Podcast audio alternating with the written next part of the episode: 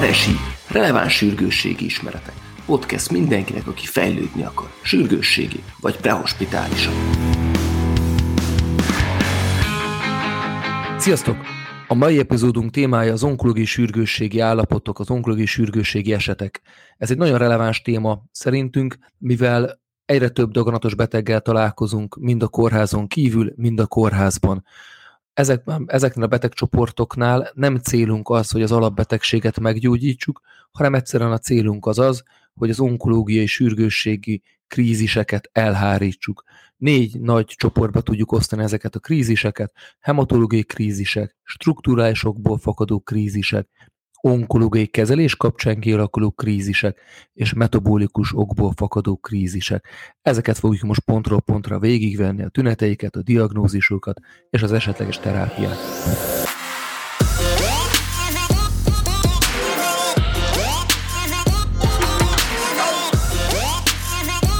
És nézzük meg most külön a csoportokat.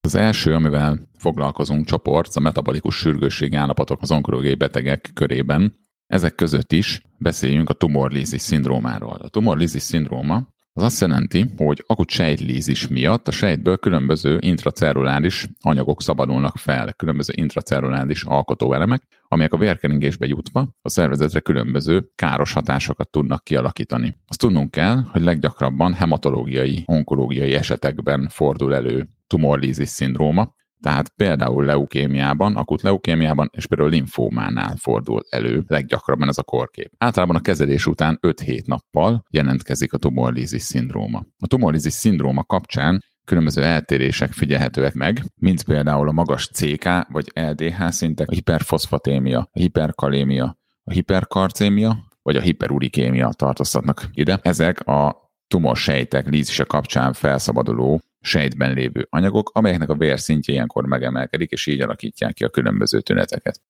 Ezek között a tünetek vagy panaszok között szerepelhet például akár a kálcium felszaporodás kapcsán a vesében felszaporodó kálcium kristályok által kialakított veselégtelenség.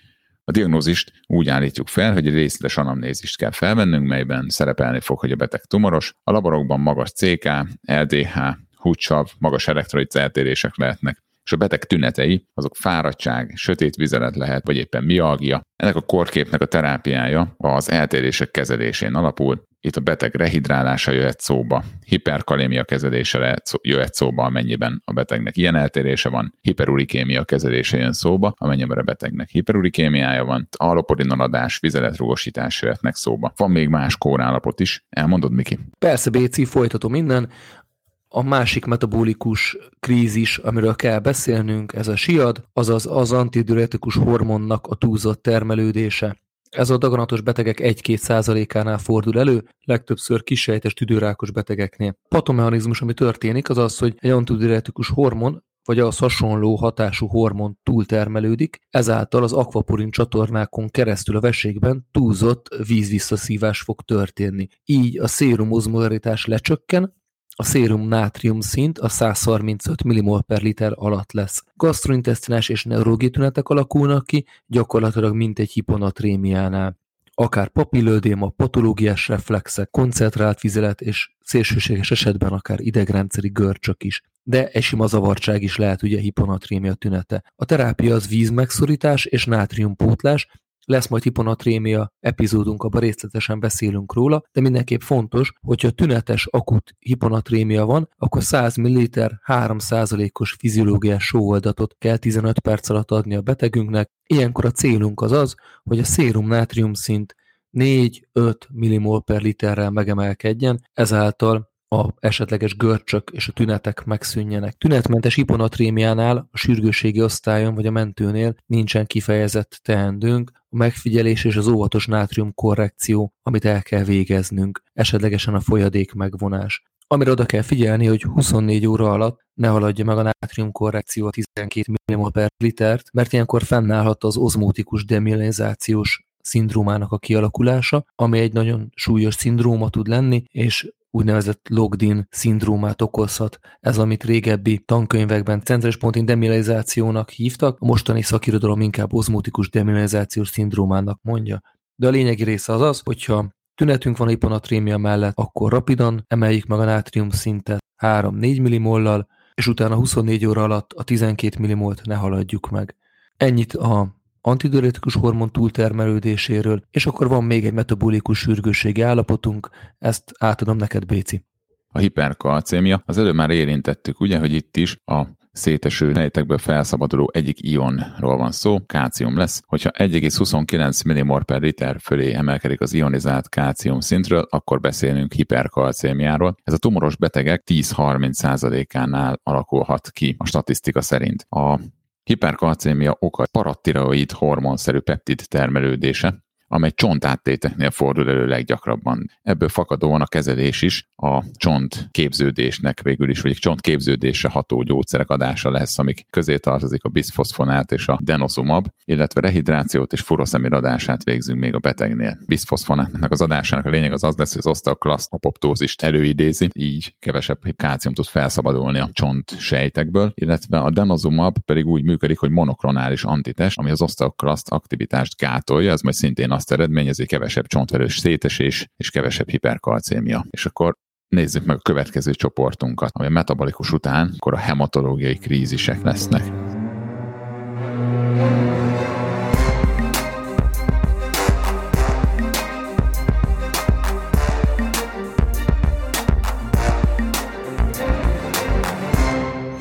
Igen, a következők a hematológiai krízisek, ahol kettő dolgot kell besorolnunk, a hiperviszkozitási szindrómát és a neutropéniás lázt. A hiperviszkozitási szindróma, amikor a vér áramlási tulajdonságai megváltoznak, folyékony vagy sejtes összetevők, a hematokrit szint 60% fölötti lesz, a fehérvérsejtszám pedig 100 gigaper liter feletti lesz. Ilyeneket gyakran tudunk készlelni, vagy ahol várhatjuk, az a Waldenström makroglobulinémiában szenvedő betegeknél, leukémiás betegeknél és mieloma multiplexes betegeknél. Ilyenkor kell figyelnünk arra, hogy a trombózis veszély nagyon fokozott, magas kockázatúak ezek a betegek ebből a szempontból, valamint arra, hogy korai intenzíves referálás szükséges, esetleges plazmaferezis fog szóba jönni ezeknél a betegeknél. A hematológiai kríziseken belül a másik csoport a neutropéniás láz, az egyik leggyakoribb kezelési mellékhatás, 7-10 nappal a kezelést követően alakul ki. A másik csoport, akinél kialakulhat neutropéniás láz, azok azok a betegek, akinél elhúzódó neutropénia vagy agranulocitózis áll fönn, eleve a kezelési stratégia miatt. Ezeket a betegeket onnan fogjuk megismerni, hogy lázasak, vagy hőemelkedésük van, és 0,5 giga per liter, vagy az alatti fehérvérsejtszámmal rendelkeznek. Ezek a betegek nagyon súlyos és fokozott rizikónak vannak kitéve, ugye mindenfajta infekció szempontjából, gyakorlatilag nincs működőképes immunrendszerük, vagyis nagyon le van szuprimálva az immunrendszerük. A korai intenzíves referálás az fontos, az invazív lélegeztetés az nagyon megemeli a mortalitást ezeknél a betegeknél betegeknél. Tehát nagyon el kell kerülnünk azt, vagy meg kell törekednünk kell arra, hogy nehogy egy felülfertőződés vagy egy komolyabb tüdőgyulladás kialakuljon ezeknél a betegeknél. Fontos az antibiotikum, akár az antivirális és antifugális kezelésnek a hamarabb megkezdése, valamint hemokultúra levétele. Nagyon fontos, hogy ezeket a betegeket elkülönítsük, saját magunkra is FFP-t vegyünk, tegyünk, valamint a betegre is, ezáltal is elkerülve a további dekontaminációt. Hematológiai krízisek után nézzük meg a strukturális szindrómákat. Neki kezd ez, Péci?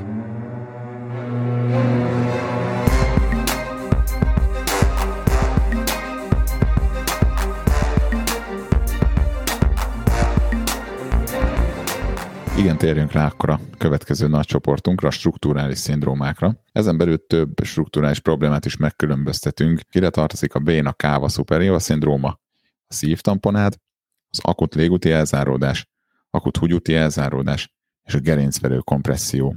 Mindegyiknek a lényegét foglaljuk akkor össze.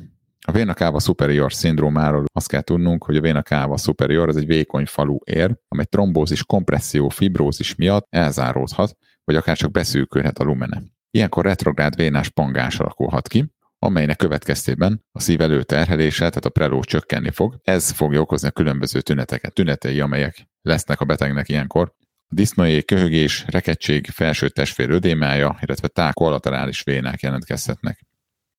A tünetei a betegnek előrehajolva, illetve köhögéskor vagy fekvéskor rosszabbonnak, így a terápiánk elsősorban a beteg pozícionálása, oxigénadás és kortikoszteroid adása lesz, valamint vízhajtás furoszemiddel. Következő strukturális eltérésünk, amelyeket tumorok okozhatnak, a perikardiális tamponád, a szívtamponád, amely abból alakul ki, hogy a tumorok által felszaporodó perikardiális folyadék gyülem komprimálja, beszűkíti a szívpumpa funkcióját. Ennek tünete lehet fulladás swinging heart szindróma. Aztán menjünk tovább, a légutakat is komprimálhatja kívülről, illetve belülről is beszűkíteti a légutak lumenét tumor, ez is a betegünk fulladásához, disznójához vezethet. További korkép, amely még itt szóba jön, a húgyutakat beszűkítő tumoros folyamat. A húgyutakat kívülről komprimálhatja különböző tumoros elváltozás a hasüregben, ugye ez visszahatóan a húgyúti rendszerben nyomásfokozódást alakíthat ki, amely megterhelheti a vesét, és így egy posztrenális veselégtelenség alakulhat ki ennek következtében. Ennek a posztrenális veselégtelenségnek lesz majd a következménye a felszaporodó veseköteles anyagok átalakozott eltérések. Aztán ide tartozik még a gerincvelői kompresszió, gerincvelői tumorkompresszió az 5-10%-ban fordul elő tumoros betegeknél. Ilyenkor a tumor a mielont, tehát a gerincvelőt nyomhatja össze kívülről, ennek a tünetei tapasztalhatjuk a betegeinknél. Ennek tünetei lehetnek a rendkívül erős fájdalom, amely fájdalomcsillapítóra sem reagál, tehát akár annyira erősről van szó, annyira erős fájdalomról van szó, hogy akár ópiát fájdalomcsillapító is kevés lesz ahhoz, hogy csillapítsuk ezt a fájdalmat. Tüneteiként előfordulhatnak még különböző neurológiai kiesések, érzéskiesések, előfordulhat járásképtelenség, vagy a járásban való korlátozottság. Ezek a problémák, hogy az életminőség komoly romlását idézhetik elő, ezért nagyon fontos, hogy korán felismerjük őket. Hogyha a betegnek erős háti fájdalma van, amely fájdalomcsillapítóra nem reagál, esetleg egy ismert tumoros betegségről van szó, akkor az első, amit zárjunk ki, az mindig a tumor általi mielon kompresszió legyen. Tehát amíg ezt a korképet nem zártuk ki, addig nem menjünk tovább a diagnosztikában. Fontos, hogy a mielon kompresszió felmerült esetén 24 órán belül szervezünk a betegünknek emerit, ez a műtéti tervezhetőség céljából fontos lesz. És akkor a korkép terápiájaként kortikoszteroid 10 mg dexametazon jön szóba kezdeti lépésként. Csak akkor átadnám a szót Miki a továbbiakra. Köszi. Onkológiai kezelésből fakadó krízisek még előfordulhatnak. Ide sorolja a szakirodalom az anafilaxiát, különfajta bőrirritációkat, gastrointeszinális sürgőségeket, akár egy diorrát, akár egy konstipációt. Rövid epizódunk végére érve összefoglalnánk nektek a különfajta onkológiai kríziseket, négy nagy csoportba sorolja a szakirodalom a, ezeket a kríziseket, ezt a négy nagy csoportot érdemes megjegyezni, és ez alapján becsoportosítani azokat a betegeket, akik onkológiai sürgősséggel jönnek. Fontos, hogy azoknál a betegeknél keressük ezt, akiknek van daganatos hátterük, aktív daganatos betegségük, és az a sejtésünk, hogy ezzel kapcsolatos krízis állapotban jöttek hozzánk. Ez a négy nagy csoport a hematológiai, a strukturális, az onkológiai és a metabolikus tehát hematológiai, strukturális, onkológiai és metabolikus krízisek. A metabolikuson belül néztük a tumorizis szindrómát, mert akkor kell gondolnunk, hogy ha főleg hematológiai, onkológiai beteg, mint például leukémiás vagy linfomás 5-7 nappal a kezelése után lesz beteg, akinek a laborjában sejt szétesése utaló eltéréseket találunk. Ilyen lehet, hogy egy magas LDH szint, vagy magas CK szint, a különböző ionoknak a megemelkedése, mint hiperfoszfatémia, hiperkalémia, hiperkalcémia, hiperulikémia, a tünetei fáradtság, mialgia, sötétvizelet lehetnek. A következő csoport lehet a siados betegek, ahol az antidiuretikus hormon emelkedik meg. Gondoljunk arra, hogy a hiponatrém és daganatos betegünk van, hogy esetlegesen siat szindrómája van. A következő ide tartozó csoportunk a hiperkalcémiás beteg lesz. Ennek a betegnek kálcium szintje 1,29 felett. A hematológiai krízisek közé soroljuk a hiperviszkozitási szindrómát és a neutropéniás lázat. A hiperviszkozitási szindrómát akkor fogjuk észrevenni, hogy nagyon magas fehérvérsejtszámunk van, és nagyon magas hematokrit értékünk van, neutropéniás lázat pedig akkor, ha nagyon alacsony a fehérvérsejtszámunk. Következő nagy csoportunk volt a strukturális szindrómák, melyek között a vénakáva superior szindrómája, szívtamponád, akut légúti elzáródás, akut húgyúti elzáródás és a gerincvelő kompresszió voltak. Az utolsó csoport meg az onkológiai kezelésből fakadó krízis állapotok, ezeket mondjuk így talán a legegyszerűbb észrevenni. Itt a bőrirritációk, anafilaxia, allergiás reakciók és a gastrointestinális tünetekre kell gondolnunk. Tehát ezt a négy nagy csoportot keressük, nézzük, figyeljük és javítsuk, gyógyítsuk az onkológiai tünetekkel érkező betegek krízis állapotai tekintetében. Köszönjük szépen, hogy meghallgattatok minket, és ne felejtjétek, hogy minden epizódunk lábjegyzetébe kettő linket találtok. Az egyik link rámutat egy PDF fájra, ahol amit elmondtunk, annak a rövid kivonata látszódik, vagy olvasható. A másik link pedig a buymeacafé.com oldalra linkelődik be, ahol tudtok minket támogatni.